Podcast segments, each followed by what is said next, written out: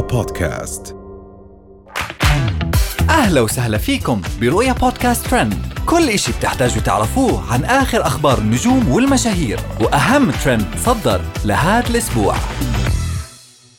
سازي القحطاني تتسبب بفضيحة بين صديقاتها بعد وفاتها. رهف القحطاني تنشر وصيتها بعد وفاتها. هند القحطاني تغدر ملاك الحسيني وتقاضيها بثمن ملايين ريال وفيديو ينشر بالخطأ للسعودية نجلاء عبد العزيز ودعوة لحذفه. ضجت السوشيال ميديا مؤخرا بمشاجرة بين صديقات سازي القحطاني بعد وفاتها بعد ما دخلت نجمات Snapchat نجود الفهد ونجوى العبد الله في خلاف شديد اللهجة بسبب صديقتهم الراحلة ساز القحطاني. وبدأ الخلاف بينهم بعد ما نشرت نجوى العبد الله فيديو ادعت فيه إنه ساز طردت نجود الفهد من بيتها قبل وفاتها. وأضافت إنها سبق وحذرت ساز من نجود الفهد.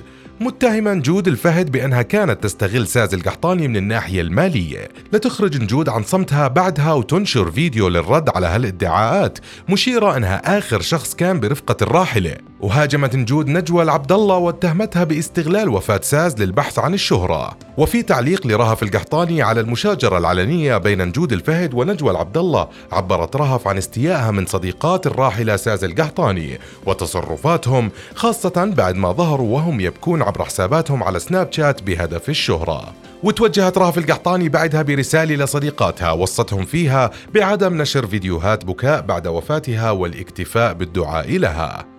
ننتقل لهند القحطاني واللي أثارت الجدل حول نجمة سناب شات ملاك الحسيني بعد ما اتهمت هند بابتزازها وتهديدها. وفي التفاصيل كشفت ملاك الحسيني إنها كانت تحول مبلغ لعائلتها من الولايات المتحدة الأمريكية عن طريق هند الأمر اللي استغلته وادعت إنه دين لها حيث بلغ المبلغ 8 ملايين ريال سعودي. وفي مقطع أكدت ملاك الحسيني أن علاقتها بهند قوية في الغربة وأنها كانت على اطلاع على كل أسرارها لتظهر بعدها وتهددها بنشر كل الصور. ولم تظهر هند القحطاني حتى اللحظة لتبرر موقفها. وأخيرا ننتقل للسعودية نجلاء عبد العزيز واللي نشرت فيديو لها بالخطأ على سناب شات. لتكتشف بعدها الموضوع ولكن سرعان ما انتشر المقطع وتم تداوله ما بين متابعينها. على الرغم من محاولات نجلاء عبد العزيز ومطالبتها بحذف الفيديو والتوقف عن نشره وظهرت نجلاء عبد العزيز بالفيديو وهي في مكان عام دون ارتداء للحجاب مرتدية فستان باللون الأحمر. وأبدت غضبها على العديد من متابعينها على تويتر في تغريدات احتوت على مشادات كلامية بينهم.